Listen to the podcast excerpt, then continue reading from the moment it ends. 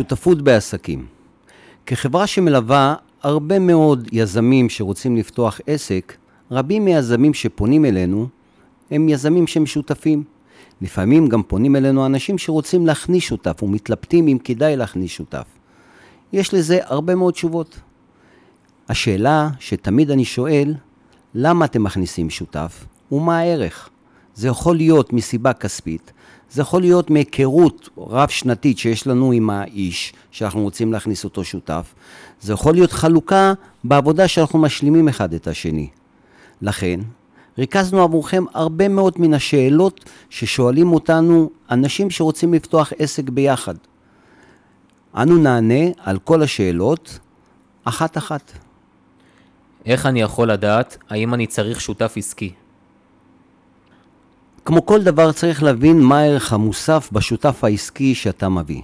לפעמים הצרכים שלך מביאים אותך לחפש שותף עסקי. האם זה צרכים אמוניים, אתה רוצה כסף להשקיע, שעוד מישהו ישקיע איתך כסף בעסק, או שלך אין את הכסף להשקיע. לפעמים אתה נכנס לתחום שיש מישהו שיש לו ידע מקצועי שיכול להוסיף לך. כשאתה מחפש שותף עסקי, אתה צריך להבין מה הערך המוסף של אותו שותף עסקי. לעשות שותפות עסקית זה כמו מין נישואים. אנחנו צריכים לחיות ביחד, אנחנו צריכים להבין את המטלות אחד של השני, אנחנו צריכים להביא את הערך המוסף, ולכן, לפני שאנחנו שוקלים אם להכניס שותף עסקי או לא, אנחנו נבדוק קודם כל מה הערך המוסף בשותפות. לפני כל שיקול, גם אם הוא כלכלי, גם אם הוא כספי. מה הערך המוסף? האם ביחד יש לנו כוח יותר גדול? האם ביחד יש לנו יתרון יחסי למתחרים שלנו? האם השותף משלים אותי בעוד דברים שאני לא יכול לעשות, או לתת לי מסגרת יותר טובה שנוכל לעבוד ביחד ולהביא להצלחה ולשגשוג של העסק. וברגע שאתם תענו על כל התשובות האלה בצורה חיובית, שהיתרונות עולות על החסרונות, זה ניתן לשקול כן להכניס שותף עסקי, ושעושים את זה צריך לעשות את זה נכון. האם מומלץ להיכנס שותף בעסק משפחתי? עסקים משפחתיים יש בהם יתרונות גדולים ויש בהם כמה חסרונות. אחד היתרון שהוא גם יכול להיות החיסרון זה האכפתיות. בעסק משפחתי כולם מרגישים שזה שייך להם ולפעמים לכולם יש רצון טוב לעשות דברים. כשעושים עסק משפחתי, הדבר הכי חשוב בשותפות משפחתי שתהיה חלוקת תפקידים ברורה ומסודרת ולהקפיד על חלוקת תפקידים. ובחלוקת תפקידים לחזק את החזק. כלומר, מי שטוב בשיווק, לתת לו שהוא יהיה בשיווק. מי שטוב בחשבונאות, שהוא יהיה אחראי על החשבונאות. מי שטוב בקניות, שהוא יהיה אחראי על הקניות. ולעשות חלוקת תפקידים מסודרת. וגם דרך קבלת ההחלטות בעסק משפחתי צריך להיות במשותף. לעשות ישיבות מסודרות, לנהל את זה כמו חברה גדולה ומסודרת, זה ימנע חיכוכים עתידיים שיכולים להגיע, ובדרך כלל החיכוכים מגיעים מרצון טוב, כל אחד חושב שהוא עושה את המעשה הטוב ומושך לכיוון שלו, בניגוד לכיוון שאתה בעצמך חושב שהוא הכיוון הנכון. ולכן, עם נהלים נכונים וחלוקת תפקידים מאוד נכונה, עם הגדרת ציפיות מלכתחילה לאן אנחנו רוצים להגיע, איך אנחנו מחלקים את העבודה בינינו, ולעשות תוכנית עבודה מסודרת או תוכנית עסקית מסודרת, זה יעזור להגיע לשגשוג של העסק ולמנוע חיכוכים עתידיים שיכולים להיות. במידה והשותף העסקי שלי לא מועיל, מה ניתן לעשות? כמובן, לפני שנכנסים לשותפות עסקית צריך לעשות הסכם עם השותף. חברים טובים, שותפים טובים, זה הסכמים טובים. ובהסכם הזה אנחנו צריכים לפרט את כל הציפיות שכל מישהו, כל שותף צריך להביא לעסק. אם אני החלטתי שאני לוקח על עצמי לטפל בנושא של הכספים, והוא לקח על עצמו לטפל בנושא של השיווק, ואז אנחנו רואים שהדברים לא עובדים, אז אחד הטעויות הגדולות שמחכים הרבה זמן. שעושים נהלים מסודרים ועושים ישיבות מסודרות, אז אחד לשבוע או אחד לכמה ימים יושבים ביחד השותפים ומטפלים בבעיה שהיא עדיין קטנה. ואם לא מטפלים בבעיה שהיא עדיין קטנה, שואלים את השאלה הזאת, מה עושים אם אחד האנשים לא מועיל? בגלל זה חוזרים להסכם שאתם עשיתם ביחד, ובהסכם אתם מפרטים מלכתחילה מה קורה אם אנחנו רוצים להיפרד, איך אני נפרד, מה מגיע לכל שותף, מה המנגנון של הפרידה שלנו, ומה החלוקה הכספית של הפרידה שלנו. שיש את זה מסודר, אז גם השותף, או גם אתה, יודע מלכתחילה איך אתה יכול חלילה לפרק את החבילה. האם אני צריך לפתוח חשבון עסקי משותף? כשמנהלים עסק משותף, יש כמה סוגים של שותפויות. אחד, זה שותפות בחברה, ואז החשבון הוא של החברה והזכויות חתימה יכולה להיות של שתיכם. דבר שני, זה שאתם עסק בשותפות, שלכל אחד יש עוסק מורשה או עוסק מורשה משותף לשתיכם. מומלץ תמיד שגם אתה וגם השותף תהיו מורשי חתימה בחברה זה יכול, או בעסק או בבנק, כי זה יכול למנוע חיכוכים עתידיים. לא ידעתי שחתמתם, לא ידענו שהוצאנו כסף. שמקבלים החלטות ביחד, יש שקיפות יותר גדולה, וזה מונע הרבה מאוד חילוקי דעות. לכן מומלץ בצורה חד משמעית, כן, לפתוח חשבון משותף עם יחידת רווח משותפת ועם זכויות חתימה משותפות, שתהיה שקיפות בין שני הצדדים. איך אוכל לדעת האם השותף מתאים לי? לפני שנכנסים לשותפות זה כמו נישואים. איך אפשר לדעת שהאישה הנכונה הוא הגבר הוא נכון? להכיר. להכיר את היתרונות של השותף. להכיר גם את החסרונות של השותף. להבין מה הערך המוסף. לעשות הסכם לפני כן. ועם הרבה שיחות ועם הסכם מסודר, אפשר להגיע למסקנה. האם השותף רואה את החזון כמו שאתה רואה את החזון של העסק? האם השותף מבין את המחויבות, העבודה, בתוך העסק כמו שאתה מבין את המחויבות של העבודה. ככל שתשאלו יותר שאלות, את השותף, הוא ישאל אתכם ואתם תשאלו אותו ותדעו לשאול את השאלות הנכונות, יהיה לכם קל יותר לקבל את ההחלטה האם הוא השותף המתאים. אבל, טיפ נוסף, הוא לא צריך להיות בדיוק כמוכם. שותף טוב הוא שותף שמשלים אתכם ונותן משהו שלכם אין. שתי אנשים שעושים את אותו תפקיד זה פחות טוב. תמיד לבחור שותף שמשלים אתכם, לבחור שותף שמלכתחילה הגדרתם את התפקיד, לעשות הגדרת תפקידים מסודרת מלכתחילה, וברגע שאתם רואים שאתם רואים את הכל עין בעין, יהיה לכם קל יותר לקבל החלטה נבונה. איך מתחלק הרווח במידה והשותף העסקי רוצה לעזוב? במידה והשותף העסקי רוצה לעזוב, צריך להבין באיזה סיטואציה. כלומר, פתחנו עסק ועוד לא התחלנו לעבוד, פתחנו עסק וכבר הלכנו עובדים, יש לנו מלאי, יש לנו התחייבויות בבנק, אז אם יש לכם הסכם שהוא קודם עם השותפות, שאתם, ששם העליתם על כתב את מה קורה במידה ואחד השותפים עוזב, אז אתם כבר יודעים את התשובה. אבל במידה ולא, אז יש הרבה אנשים שהם עושים הערכות שווי, גם אנחנו פה כחברה של ייעוץ עסקי, יש אצלנו משפטנים, ש... אה, כלכלנים שיודעים לעשות הערכות שווי, והערכת שווי היא די מסודרת, היא לוקחת את כל ההוצאות שלכם, את כל ההתחייבויות שלכם, את כל ההכנסות שלכם, מה הרווחיות, מה הושקע, מה כל אחד שם כסף, ואז מגיעים לחלוקה שיכולה להתקבל על שני הצדדים. האם צריך הסכם שותפות, או שאנחנו יכולים לסמוך אחד על השני? התשובה היא חד משמעית, הסכם שותפות. שיש הסכם שותפות, השותפות תיארך הרבה יותר זמן, או עד אין סוף. שאין הסכם שותפות, כל שותף יכול לפרש את הדברים אחרת. אני חשבתי שאתה מתכוון לזה, ואני חשבתי שאתה תעבוד יותר, ואני חשבתי שאתה תמלא תפקיד כזה.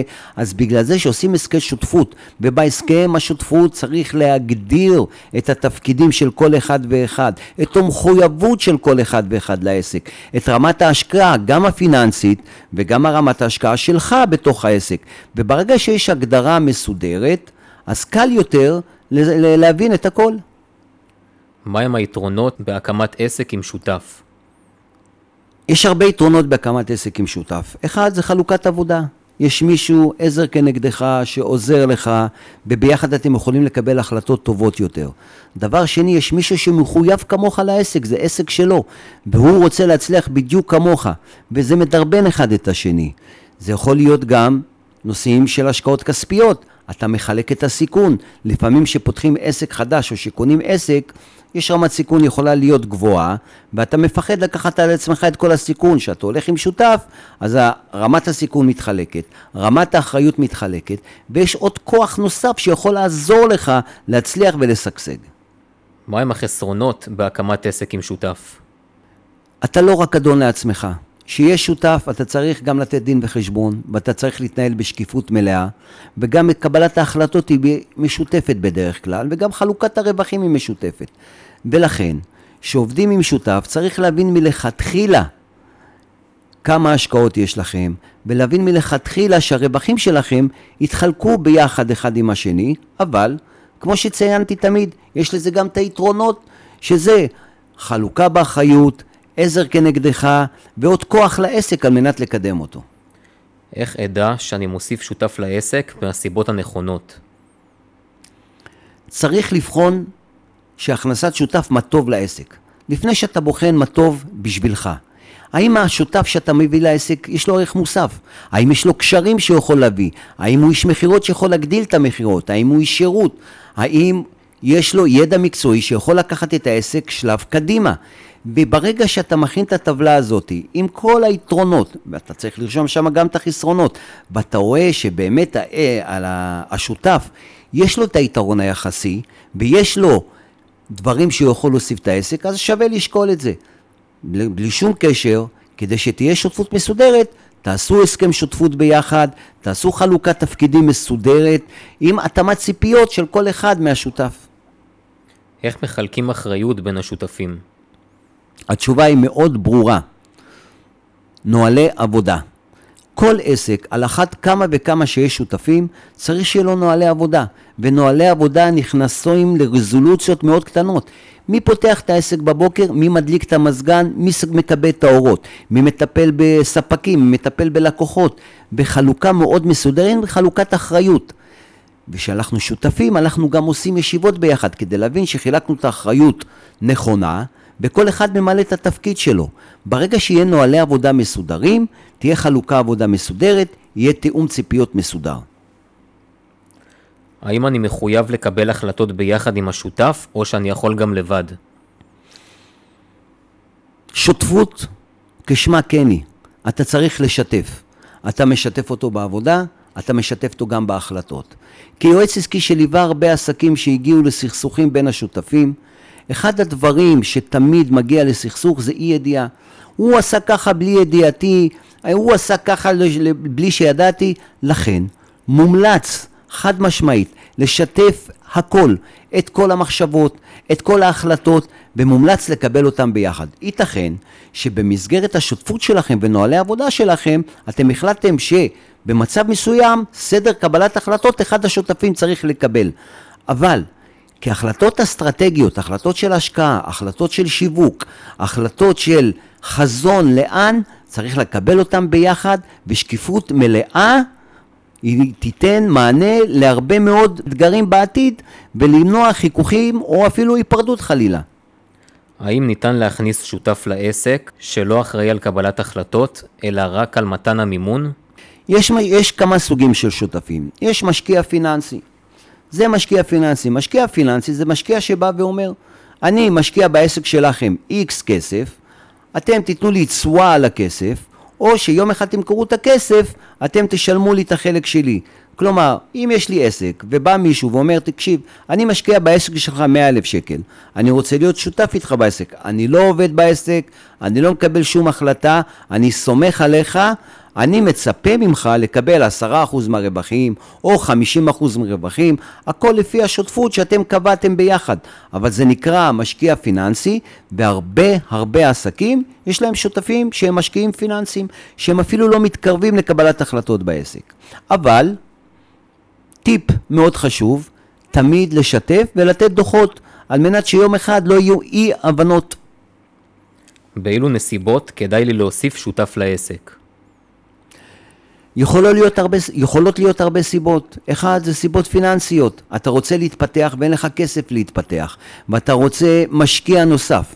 דבר שני שיכול להיות, זה שאתה רוצה להתפתח ואתה זקוק לעוד כוח אדם, אבל הכוח אדם הזה הוא צריך להיות שותף, מישהו עם קבלת החלטות. או שכמו שציינתי בפעמים קודמות, השותף יש לו ערך מוסף מאוד גבוה לעסק, יש לו מקצועיות, יש לו קשרים, הוא יכול לקחת את העסק ולקדם אותו כמה צעדים קדימה, שבלעדי שותף יהיה לי קשה להשיג. לכן, אם עסק מרוויח 50 שקל ואני, יש לי 100 אחוז, אז הרווחתי 50 שקלים.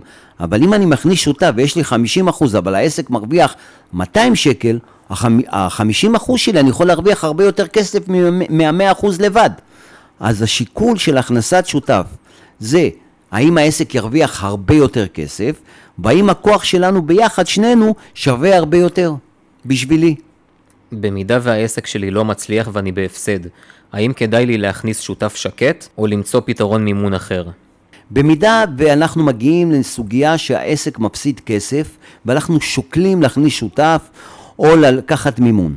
הדבר הראשון שאנחנו צריכים לעשות זה להבין למה. ובשביל זה יש יועצים עסקיים ואני אמליץ עלינו. אבל צריך להבין למה העסק מפסיד, האם ההוצאות יותר מדי גדולות, האם משהו לא בסדר בשיווק, האם אני לא מתמחר נכון את הדברים, כי לגייס שותף ולהכניס עוד כסף זה לא הפתרון. הפתרון קודם כל צריך להבין איפה הבעיה, איך אנחנו מתקנים את הבעיה, איך אנחנו גורמים לעסק הזה להרוויח יותר, וקורה הרבה מאוד פעמים שאנשי עסקים פתחו עסק, הפסידו שנה, אבל אז הם הבינו שעכשיו יש להם פוטנציאל להצליח יותר. למה? כי במשך השנה הם אספו הרבה מידע, הם תיקנו את כל הטעויות שלהם, הם בנו את התשתית, נכון הפסדנו עד עכשיו, אבל יש לנו עכשיו נקודת פתיחה טובה יותר, אני לא יכול לגייס כסף, אולי אני אכניס שותף, שהשכר לימוד שאני עברתי, והיתרונות שיש לי ואת הפוטנציאל שעכשיו אני יודע, יהיה לי קל יותר לממש עם שותף, וזה קורה הרבה פעמים. מהן הסיבות ששותפות מתפרקת? יש הרבה מאוד סיבות לשותפות מתפרקת. לפעמים זה נושא של אמינות, לפעמים זה נושא כספי, שעסק מרוויח וכולם מקבלים כסף, לכולם טוב.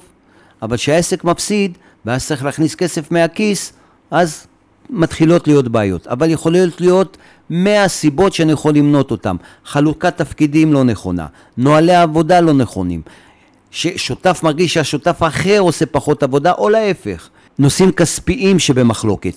ולפעמים החזון שלנו, מה העתיד שלנו, ולכן ככל שנקדים, ואפילו לפני תחילת השותפות, נכין לנו מסמך שותפות מסודרת, שבו נשים את הנוהלי העבודה, ובו נכתוב את החזון שלנו, ונעשה תוכנית עסקית מסודרת, ונבין כל אחד ואחד לאן אנחנו רוצים להגיע ומה חלוקת התפקידים, אנחנו נימנע מלהגיע לסיטואציה כזו. איך מפרקים את השותפות, ואיך מחליטים מי מהשותפים יקבל את העסק? לפני שנכנסים לשותפות, תמיד מומלץ לעשות הסכם שותפות. שבהסכם שותפות, בדרך כלל, זה כמו הסכם, הסכם ממון, שאומרים מה קורה במידה ואנחנו נפרדים. אז יש מנגנון, יכול להיות מנגנון שקבעתם שמה, שאתם תביאו מגשר, או בן אדם שיחליט עבורכם, צד שלישי, רואה חשבון שהסכמתם על שתיכם, שיכול לעשות הערכת שווי. יש גם מה שנקרא הסכם במבי, בכל שותפות מכניסים הסכם במבי, במבי זה buy me by you, כלומר או שאני קונה אותך או שאתה קונה אותי, שאנחנו נותנים אחד לשני הצעה, וגם בהסכמי שותפות מכניסים הגבלות שאני לא יכול פתאום להביא איזה מישהו ולהגיד אתה תיכנס במקומי בלי הסכמה של השותף. אבל חלילה ולא עשיתם הסכם שותפות, אז אפשר להגיע גם פה לסוגיה. יש הרבה אנשים שמתמחים בהערכת שווי של העסק. כמה העסק שווה? ואיך אפשר לחלק אותו. ברגע שיש לנו הערכת שווי, שהערכת שווי מתבצעת על הרווחיות, על המוניטין, על ההתחייבויות ועל ההשקעות שביצענו בפועל, ואז לוקחים את זה ואומרים, שמע, העסק שווה 100 שקל. עכשיו, השאלה היא, מי משלם למי את היתרה של הסכום? ופה יש גם את ההסכם במבי, שכל אחד יכול לתת הצעה לשני. נכון, העסק שווה 100 שקל, אבל אני מציע לך עבורו 120 שקל. אבל ככל שנקדים ונעשה הערכת שווי נכונה. וככל שנקדים ונעשה הסכם מלכתחילה, זה דבר שיכול לפתור הרבה בעיות בהמשך, איך נפרדים ומי יקבל את העסק שנפרדים. מהם הסיכונים בהקמת עסק עם קרוב משפחה או חבר? יש הרבה מאוד סיכונים עם קרוב משפחה אחד, שאם חלילה אנחנו נפרדים, או אם חלילה אנחנו מפרקים את השותפות העסקית, זה יכול להשפיע גם על המשפחה, וזה קורה, וזה יכול להשפיע גם על החברות. הרבה אנשים שנכנסים לשותפות אומרים, תשמע, זה חבר שלי, אני מכיר אותו הרבה שנים, איתו אני אהיה ביחד, האמון שלי איתו עיוור, לחל... או לחלופין, זה אח שלי מהמשפחה, בן דוד, אנחנו ביחד, ולכן צריך לקחת במשנה זהירות שעושים עסקים עם חברים טובים או עם משפחה, ולעשות את זה בצורה הכי מסודרת, עם הסכם שותפות מסודר, עם תוכנית עסקית מסודרת, עם נוהלי עבודה מסודרים, עם חלוקה כספית נכונה, ואם חלילה מה קורה שאנחנו נפרדים. אחת הבעיות הנפוצות בעבודה מול חבר טוב או משפחה, זה שאתם מרגישים יותר מדי קרובים אחד לשני, ואז אתם מוכלים אחד לשני. אם מישהו עשה עבודה לא נכונה, לא נכונה או מישהו טעה, לא, זה לא משנה, לא נעים לי. ולכן, שיש נוהלי עבודה ויש הסכמים מסודרים ויש הגדרת חזון מסודרת, ניתן להגיע להסכמות, גם אם חלילה הבנו שבעתיד זה לא יהיה מסודר. אז ההמלצה היא חד משמעית, אם אנחנו נכנסים לשותפות עם חבר קרוב או נכנסים לשותפות עם קרוב משפחה, הסכם שותפות, חלוקת תפקידים והגדרה של החזון של העסק. מה עושים במידה והשותף הלך לעולמו או מאבד כושר עבודה? סוגיה זו נדונה הרבה פעמים גם בבתי משפט וגם אצלנו שבאים. ראשית, גם אם חלילה האדם הלך לעולמו, אז יש לו יורשים, אז צריך לתת להם את הסכום שמגיע, בגלל זה עושים הערכת שווי. יש אנשים שמתמחים בהערכות שווי, אם זה רואי חשבון, אפילו שנותנים חוות דעת לבתי משפט, שהם יודעים לקחת את העסק ולהעריך אותו, כמה העסק שווה, ומה היה השווי של השותף. לפעמים צריך להבין גם שהשותף הלך, אז יש פגיעה מהותית בעסק, כי הוא טיפל בסוג מסוים או שהיה איש מקצוע, וזה יכול להקטין את ערך העסק. אז בגלל זה צריך לקחת את כל המרכיבים, ואז אנחנו יודעים מה השווי של העסק וכמה אנחנו צריכים לתת, אם זה ליורשים או אם זה למישהו אחר. מה עושים במצב והשותף העסקי רוצה להוסיף עוד שותף? כפי שאני תמיד מציין, שאנחנו עושים שותפות עסקית, אנחנו עושים הסכם מייסדים, הסכם שותפות. ההסכם צריך לתת מענה לכל סוגיה וסוגיה. אחד הסוגיות שההסכם נותן להם מענה זה מה קורה אם הוא רוצה להכניס כסף, מה קורה אם אנחנו רוצים להכניס שותף. אז אם קיבלנו החלטה שח, שבהסכם בינינו, שאנחנו מקבלים החלטה בצורה משותפת, אז יש כבר תשובה. אם אין הסכמה של אחד הצדדים, אז אי אפשר להכניס שותף. ברגע שיש כאלה, ברגע שיש הסכם מייסדים ויש תקנון מסודר ויש חלוקת תפקידים מסודרת, אז יש תשובה לשאלות האלה. לכן, מומלץ תמיד, לפני שמתחילים הסכם שותפות, ללכת לחברת בייעוץ עסקי או לעשות הסכם שותפות ולהעלות את הכל על כתב בצורה מסודרת, עם חלוקת תפקידים מסודרת, עם נהלים מסודרים, שייתנו מענה לשאלות הכי מאתגרות שיכולות להיות בעתיד. כגון אחד השותפים רוצה להכניס עוד שותף, ולפעמים אנחנו נתקלים בסוגיות הרבה יותר קשות. אחד השותפים רוצה להכניס את אשתו, הוא רוצה להכניס את בן דוד שלו. אז בגלל זה שמקבלים החלטות, שאת כל החלטות מקבלים על בסיס מקצועי ובשותפות מלאה, זה יכול למנוע סוגיות מאתגרות כאלה. האם כדאי לפתוח עסק עם שותף שיש לו כבר עסק קיים, מחשש שיזניח את העסק המשותף שלנו? להכניס שותף שיש לו עסק קיים, יש בזה גם יתרונות. הוא יודע מה זה עסקים, הוא יודע להתנהל מול הבנקים, הוא יודע לגייס כסף, הוא מבין את מהות העסק, הוא כבר יש לו ניסיון, הוא הוכיח את עצמו. מצד שני, יש לזה גם חסרונות, שיש לו עוד עסק על הראש שלו שהוא צריך לטפל בו, ולכן גם זה צריך לקחת בחשבון בהסכם שותפות שאנחנו עושים ביחד, ולכן מומלץ לעשות הסכם שותפות לפני שמכניסים שותף. ולתת את הגדרת התפקידים מלכתחילה. אם תהיה הגדרת תפקידים מסודרת, מה השותף שלי הוא עושה למרות שיש לו עוד עסק, איפה הוא עוזר בעסק ואיזה תפקידים הוא מבצע שם, והוא לקח על עצמו את האחריות הזאת, ואתם מלכתחילה יודעים לאן זה יכול להתפתח, אז התשובה היא, זה לא יכול להזיק, אתם מלכתחילה ידעתם, לכן תיאום ציפיות חוסך הרבה אתגרים עתידיים.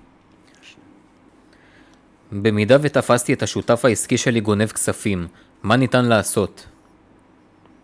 שאלה מאוד מאתגרת. כשיש נהלים מסודרים, אז תמיד אפשר לפנות להסכם. אבל כשיש גניבה מעסק, ועל מנת להגיע להוכחה של גניבה, כי בדרך כלל זה מגיע או לבתי משפט או לבוררות. אז אם יש גניבה שהיא עבירה פלילית, תמיד לגשת למשטרה ולהגיש תלונה על גניבה. כי ביום שאתם תגיע לבוררות, או ביום שאתם תגיעו לבית משפט, יבקשו מכם הוכחה. דבר ראשון, ברגע שאתם חושדים שיש גניבה בעסק, לנסות לתעד כל דבר ודבר. כסף נכנס, כסף יוצא, אם יש תיעוד של מצלמות, אם יש תיעוד חלילה של דברים אחרים, שאתם יכולים לקחת את התיעוד הזה ולהוכיח את הטענות. וברגע שיש לכם תיעוד מסודר, להגיש תלונה במשטרה, ואז אפשר לפנות אפילו לבית משפט ולבקש פירוק שותפות. במידה ופתחתי עסק עם אשתי והתגרשנו, איך מחלקים אותו? כשמתגרשים יש מה שנקרא חלוקת רכוש. בדרך כלל בית משפט ממנה רואה חשבון, אשר יש לו התמחות בשווי עסקים. הרואה חשבון לוקח את העסק, עושה הערכת שווי, ואז השופט בבית משפט, על פי ההסכם שאתם תגיעו, על פי הפסיקה שלו, הוא יכול לחלק את שווי העסק. לפעמים האישה תישאר בעסק ואתם תקבלו את החלק, או לפעמים הגבר יישאר בעסק והאישה תקבל את החלק. זה כבר בדיון של בית משפט ובהחלטה המשותפת. אבל כשמתגרשים, אם יש הסכם ממון, זה מלכתחילה מסודר. אם אין הסכם ממון, אז יש מה שנקרא מעריך שווי מטעם בית משפט, שהוא מעריך את שווי העסק לחלוקת הרכוש בהסכם הגירושים. איך מתחלקים אחוזי הרווח בין השותפים, והאם זה תלוי בכמה כסף השקעתי בהתחלה? יש הרבה סוגים של שותפות, יש שותפות 50-50 ויש שותפויות שהן באחוזים אחרים, כלומר שותף שהוא מחזיק חלק גדול מהנתח של העסק, 80 אחוז, והשותף השני 20 אחוז. בחלוקת הרווחים יכולה להתחלק לשתיים. ראשית, מי שעובד מקבל משכורת, חלוקת רווחים זה מה הרווחים שנשארו בעסק. ואז לוקחים את הרווחים שנשארו בעסק, רואים מה התשלום מס שצריך לשלם אותם, והחלוקת רווחים צריכה להיות לאחר כל התשלומים של התשלומי מס, עם החלוקה לפי האחוזים שנקבעו מראש. כלומר, אם בסופו של יום הרווחנו 100 שקל, והחלוקה הייתה שלי יש 70 אחוז בעסק ולשותף יש 30 אחוז, אז המאה שקל של הרווחים הנקיים יתחלקו לפי השותפות שנקבעו. אבל אפשר גם ורצוי גם בהסדר, בהסכם שותפות לציין גם את הסוגיות האלה. במידה והשותף עזב את העסק ופתח עסק דומה לשלי, אפשר לתבוע אותו? יש בעיה בתביעות בנושא של עיסוק. יש מה שנקרא חוק שהוא חוק יסוד, שזה חוק העיסוק, שכל אחד יכול לפתוח עסק ואתה לא יכול להגביל שותף בעסק חדש, אבל אם בהסכם מייסדים אתם כותבים את זה שבמידה ואנחנו נפרדים, או בן אדם שבמידה ומישהו עוזב את העסק, אסור לו במשך תקופה מסוימת לפתוח עסק, אז אפשר להגביל אותו. יש אפשרות גם להגביל אותו אם הוא עזב את העסק ואתה מרגיש שהוא לוקח לך את הלקוחות שלך ומשתמש במאגרי מידע שהיה לכם משותפים שהם שייכים לעסק. אז פה יש הילה משפטית. מומלץ לפנות לעורך דין במידה ויש סוגיה כזאתי. יש שם הרבה מאוד דברים שצריך לקחת בחשבון. לקחת את ההסכם מייסדים, לפנות לעורך דין ולראות מה כתבתם בהסכם מייסדים, או מה הפעולות שהשותף שעזב את העסק ביצע, שלכאורה פוגעים בך באופן אישי. מה עושים במידה והשותף שלי יסתבך עם השוק האפור? במידה והשותף יש לו הסתבכות, צריך לדעת שההסתבכות לא תיגע לעסק. כלומר, שהוא לא ייתן צ'קים מהעסק, שלא ייתן מחויבות מהעסק. אם המחויבות היא רק שלו, ויש לכם עסק, יכולה להיות פה סכנה. מה הסכנה? שהחלק שלו יכול לבוא חלילה אנשים, או אפילו בית משפט, ויכול להגיד, אני מעכל את החמישים שלו. אבל גם אז יש לכם זכויות, לא כל אחד יכול להיכנס לעסק. אם יש לכם הסכם מייסדים, אז יש לכם ערך מוסף, יש לכם זכות לקנות את החלק של השותף. בהסכם מייסדים או בהסכם שותפות רושמים גם את הדברים האלה, מה קורה אם מישהו יסתבך. אז לכם יש את הזכות, בדרך כלל מה ששמים שם, שהשותף יש לו את הזכות לקנות את החלק. מומלץ מאוד לא לתת לאף אחד להיכנס, בייחוד מישהו שאתם לא מכירים, ויש לזה פתרונות, גם משפטיות וגם פתרונות אחרים. במידה ואני מצרף שותף לעסק קיים, האם עליי להצהיר על כך? ואם כן, למי? אם יש לנו חברה בע"מ, והוא נכנס שותף, אז הוא מקבל מניות בחברה, אז רושמים את המניות בצורה מסודרת, וזה רשום ברשם החברות, וגם צריך לדווח את זה לרשויות המס. אם אין לך חברה בע"מ, אתה עוסק מורשה, אז אתה פותח עסק בשותפות, והוא גם צריך להיות מדווח ברשויות המס. כשיש לכם עסק שהוא שותף, החלוקת האחריות ברשויות המס היא משותפת לשתיכם כמנהלים. בחלוקת אחריות כמנהלים יש בה משמעויות רבות. חלילה לא שולם מע"מ, או חלילה שיש הסתבכות, או חלילה שיש הסתבכות בבנקים, אז השותף, אם דיווחתם לכולם, אז אותו שותף יהיה ערב, חלילה, גם על הטעויות שעשיתם, כמו שהוא, כמו שהוא ערב על ההצלחות שיש. אז לכן, הכנסתם שותף, הפעולות הראשונות שעושים זה מדווחים את זה לכל הרשויות הרלוונטיות, ביטוח לאומי, מס הכנסה, מע"מ, בנקים, פיננסים, ואם אתם חברה לרשם החברות עם הקצאת המניות. כיצד ניתן ליצור שותפות עסקית מוצלחת? שותפות עסקית מוצלחת, יש בה גם נושא של תחזוקה. כדי להיות שותפות עסקית מוצלחת זה איך מתחילים מלכתחילה. איך מתחילים את השותפות בצעד נכון, ברגל ימין כמו שאומרים. אז הסכם שותפות, חלוקת תפקידים, הגדרת תפקידים, חזון משותף לשני הצדדים, וברגע שיש לנו את כל הדברים האלה, ואנחנו רואים את הכל עין בעין, ולקחת את הערך המוסף של כל שותף שידע לעשות את התפקיד שמתאים לו, אז יהיה קל יותר לא להגיע חלילה לסכסוך עתידי. טיפ, שיתוף, שקיפות, כמה שיותר, לשתף ולשקף, גם עם דברים שאתם רואים זה לא נורא, אני אגיד לו אחר כך, לשתף ולשתף לפני קבלת ההחלטות. טיפ נוסף זה לקבל החלטות בצורה משותפת וניהול פיננסי בצורה משותפת. ששניכם, שאתה והשותף תחתמו על הצ'קים ביחד, שאתה והשותף תנהלו את חשבון הבנק, שאתה והשותף תחתמו על הסכמים ביחד, זה מונע הרבה בעיות עתידיות שיכולות להיווצר אם אחד השותפים לא היה מעורב מלא בעסק. האם ניתן למזג את העסק שלי עם העסק של השותף? כן, ניתן למזג, צריך לעשות את זה נכון בצורה חשבונאית, ללכת לרואי חשבון, אם אתם שתי חברות אז ניתן למזג את זה כחברה אחת, לעשות את זה גם עם הערכת שווי נכונה, וגם יש פה הרבה אלמנטים שיכולים להיות מיסויים ואלמנטים פיננסיים, לכן מומלץ שעושים מיזוג או שותפות לערב שתי אנשי מקצוע, אחד זה רואה חשבון, השני זה עורך דין, וגם חברת ייעוץ עסקי שיכולה לעזור לכם להגיע עם הגדרת תפקידים נכונה והסכם נכון. איזה סוגי שותפויות יש? יש הרבה סוגי שותפויות. אם זה בנושא מיסויי, אז יש מה שנקרא שותפות שהיא חברה בע"מ, שכל אחד מחזיק נתח מחלק מהחברה. לחברה יש 100% מניות, וכל שותף יכול להחזיק כמה וכמה מניות, אם זה 50-50 או לפי החלוקה. יש שותפות שהיא שותפות רשומה, שאתם שתיכם נרשמים כשותפים ופותחים תיק משותף ברשויות המס, מס הכנסה, מע"מ וביטוח לאומי, חשבון בנק משותף, והעסק הזה הוא בשותפות מלאה. יש גם שותפות שהיא שותפות של אינטרסים, כלומר לי יש עסק, לך יש עסק וביחד אנחנו מחלקים כל אחד את הגדרת תפקידים או את הגדרת העיסוקים ואנחנו עושים חלוקת רווחים עתידיים עם איזונים אחד לשני.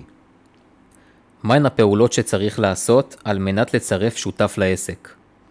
לפני שמצרפים שותף לעסק צריך להבין מה הסיבה שבגינה החלטנו לצרף שותף. ברגע שאנחנו יודעים מה הסיבה, אנחנו, דבר הבא, מה הערך המוסף של השותף שאני מחפש? האם הוא שותף פיננסי? הערך המוסף שלו שהוא מביא כסף? האם זה הקשרים שהוא מביא? האם זה היכולות שהוא מביא? וברגע שעלינו על כל התשובות בצורה חיובית, שיש לו גם את הערך הזה, ובאמת ביחד איתו אנחנו נוכל להגיע לרווחיות יותר טובה, לניהול יותר נכון, למימוש פוטנציאל יותר נכון, אז תדעו שקיבלתם את ההחלטה הנבונה והטובה. טיפ נוסף, שותפות צריך לתחזק, צריך להכיר את הבן אדם, אף אחד לא מושלם, צריך לקבל את השותף גם בדברים הפחות טובים. אי אפשר לקחת שותף ולהגיד לו אני רוצה ממך רק את הדברים הטובים. לכל שותף יש יתרונות ויש חסרונות, כמו שלכם יש את זה, וככל שתדעו את היתרונות ואת החסרונות של כל אחד מכם, יהיה לכם קל יותר בעתיד להימנע מחיכוכים. האם ניתן לצרף שותף שהוא תושב חוץ? כן, ניתן לצרף שותף שהוא תושב חוץ, צריך להודיע את זה לרשויות המס, אבל גם כשאתה משתף שותף שהוא תושב חוץ, שהוא גר בחוץ לארץ, בדרך כלל זה שותף פיננסי, או שיש לכם גם עסקים במדינה זרה, ושם אתם יכולים לשתף איתו פעולה, וזה הערך המוסף שלו. לכן, זה לא משנה אם הוא שותף, אם הוא תושב חוץ או לא, צריך לבדוק מה הערך המוסף שלו, מה הסיבות שבגינם הכנסנו אותו, ולעשות הסכם מסודר עם חלוקת תפקידים מסודרת. מה זה אומר שותפות מוגבלת? שותפות מוגבלת היא שותפות כשמה כן היא, כמו חברה בע"מ. אנחנו זה שותפות מוגבלת, כל אחד יש לו את האחוזים שלו, והשותפות עצמה היא אישיות משפטית מסוימת, היא לא קשורה לעיסוקים אחרים. אנחנו שותפים בעסק אחד, והשותפות עצמה היא מוגבלת, רק לעסק הזה ולא לעסקים אחרים. מהי שותפות כללית? שותפות כללית זה שתי השותפים אומרים, תקשיבו, אנחנו ביחד בכל העסקים. זאת אומרת, כל מה שאני עושה וכל מה שאתה עושה, אנחנו שותפים. אני יכול לעבוד בעסק נוסף, אני יכול לעשות הכנסה נוספת, אתה יכול לעשות הכנסה נוספת, אבל אנחנו לוקחים את כל ההכנסות ביחד שלנו, לוקחים את כל ההוצאות ביחד שלנו, כי יש לנו שותפות כללית בכל העיסוקים ובכל ההכנסות שלנו. מהם השלבים לפירוק שותפות? זה הרבה תלוי בהגדרת השותפות. אם אתם חברה בע"מ והחלטתם לפרק את השותפות או לפרק את החברה, אז יש מה הסיבות שבגינם. אם הסיבה היא סגירת העסק, אז מה שעושים, בודקים מה ההתחייבויות של העסק, האם אנחנו סוגרים עם רווח ועם הפסד, ואם חלילה אנחנו סוגרים עם הפסד, מה כל אחד צריך להוציא מהכיס שלו על מנת לא להישאר עם חובות, אם זה חובות לרשויות המס, חובות לבנקים וחובות לנושאים פיננסיים. אם החברה היא חברה בע"מ, אז גם כדי לפרק חברה בע"מ צריך ללכת עם מנגנון שפונים לבית המשפט שמפרקים אותה ולדאוג שהחברה לא יישארו בה שום חוב כי החובות יכולות לבוא עליכם אחר כך בצורה יותר מאוחרת בדרישה של קנסות או בדרישה של חובות שלא פרעתם עם התחייבויות של הבנק כאלה או אחרים. מהם הדברים החשובים שצריכים להיות בהסכם שותפות? הגדרת התפקידים, מה כל אחד מהשותפים עושה, כמה הון עצמי כל אחד מביא כסף, כמה התחייבויות ואיזה התחייבויות אנחנו נותנים, כל ההתנהלות הפיננסית, איך אנחנו עושים אותה. האם שתינו חותמים על צ'קים, האם שתינו ערבים בבנק, האם שתינו מכניסים כספים, איך אנחנו מנהלים את העסק בצורה שוטפת, ומהי צורת ההתאגדות שלנו. ברגע שאנחנו נעבור על כל הסעיפים האלה, לאחר מכן יש את הסעיפים הבאים. מה קורה אם? מה קורה אם אחד שותף רוצה לעזוב? מה קורה אם לשותף אחד אין כסף והשני רוצה להכניס כסף? מה קורה אם אנחנו רוצים להכניס שותף שלישי? מה קורה אם יש מחלוקת בינינו? מי מכריע על המחלוקות? שיכולות להיות מחלוקות כספיות, יכולות להיות מחלוקות ענייניות עסקיות. אני רואה את החזון שלי לקחת למקום אחר, והשותף רואה את החזון שלו לקחת למקום אחר. אז לכן ככל שנרשום את כל הנקודות האלה, מחלוקת תפקידים, חזון, כספי, צורת ניהול, אה, ערבות כלפי אחד לשני והון כספי ומה קורה אם למישהו אין כסף, להכניס את כל הסעיפים האלה ולתת מלא לסעיף סעיף. אנו בקבוצת המפתח ליווינו הרבה שותפים ונשמח לעזור לכם למלא הסכם שותפות מסודר שייתן מענה לכל הסוגיות. האם כדאי להתאגד כשותפות או לפתוח חברה ולמכור חצי מהמניות לשותף? שמתאגדים זה אומר מלכתחילה שהקמנו את העסק ביחד, אז התאגדנו ביחד וביחד הלכנו ממצב אפס ומפה אנחנו מתקדמים ועשינו הסכם בינינו. כשאתה פותח חברה והחברה היא בבעלותך ואז אתה רוצה להכניס שותף, אז זה תלוי בסוגיות, האם העסק כבר פעיל, אז מה הערכת שווי, לפי איזה שווי הוא נכנס. האם רק פתחת חברה והעסק לא פעיל ואתה רוצה להקצות לו מניות, אז זה גם בסדר. צריך לקחת בחשבון, אם העסק פעיל, יכולות להיות השלכות מיסויות. אתה יכול לשלם מס על ההכנסה שתקבל. יש גם עוד שאלות, האם הכסף נכנס לתוך החברה, או שאתה מקבל כסף בגין המניות, ולכן אין פה תשובה מדויקת, זה הכל תלוי מה מצב העסק, מתי התחלתם לעבוד, והאם יש כבר השקעות בגין העסק. האם ניתן לקבוע מראש את תאריך פירוק השותפות? לא. אם זה שותפות מוגבלת, שהחלטתם שאתם שותפים בפרויקט מסוים, אז כן. כלומר, הקמנו שותפות לצורך מסיבה. סיימנו את המסיבה, וקבענו שברגע שאנחנו מסיימים את המסיבה, אנחנו ניקח את כל ההוצאות, את כל ההכנסות, מה שנשאר ברווחים, נחלק אותם אחד לשני. יש גם שותפויות כאלה בבנייה. שתי קבלנים או שתי יזמים החליטו לעשות שותפות, לבנות בניין אחד, וברגע שהם מסיימים לבנות את הבניין, הם מוכרים את כל הדירות, מחלקים ביניהם את הרווחים וסוגרים את החברה. אז התשובה היא גם כן. מה עושים במידה והשותף העסקי שלי רוצה לפרק את העסק, אבל אני לא? במצב כזה, במידה וחלילה אין הסכם מייסדים שבו כתבתם את כל הסוגיות האלה, והשותף רוצה לסגור את העסק, אז אפשר לקחת הערכת שווי ולהגיד לשותף, בוא, אני אשלם לך את החלק שלך, או שהוא אומר לך, אני יוצא, צריך להבין מה ההתחייבויות שאתם נשארים. אולי יש חובות בבנקים, אולי לא. בדרך כלל שותף שרוצה לצאת, הוא תמיד ישמח להשאיר לכם את העסק, ולצאת חלילה מהבעיות שהיו בעסק, או מההתחייבויות שהיו בעסק. לסיום, איך יועץ עסקי יכול לעזור בהקמת השותפות? יועץ עסקי, ולנו בפרט, יש ניסיון רב בהבראת עסקים, עם עסקים משפחתיים, עם עסקים של שותפויות. בניסיוננו הרב נתקלנו בהרבה סוגיות שבגינם אנשים נפרדו, או שנקלעו לסכסוכים, או שחלילה העסק נקלע למשבר. ומהניסיון שלנו, אם הייתה שקיפות ויועץ עסקי שיודע מלכתחילה לגעת בכל הנקודות ולהגיד לכם שאיזה הסכם שותפות צריך לעשות ולבנות לכם תוכנית עסקית מסודרת ולבנות לכם תוכנית עבודה מסודרת ולבנות ביחד איתכם את נוהלי העבודה המסודרים כי יועץ עסקי יש לו ניסיון שגם כמה שאתם תיקחו בחשבון את כל המשתנים יכולות להיות עוד הרבה מאוד נקודות שלא חשבתם עליהן, לכן רצוי, רצוי אצלנו, אבל אפשר בכל מקום אחר, לפנות ליועץ עסקי, לשאול אותו אם יש לו ניסיון בשותפויות, לקחת ממנו כמה עצות ולהבין מה הסוגיות העומדות על הפרק ומה הפעולות שהוא יכול לעזור לכם על מנת לעשות שותפות משגשגת, שותפות שתעזור אחד לשני, שותפות שתבוא איתכם להישגים כספיים ולרווחיות. תודה רבה על כל התשובות, נדב. תודה לך.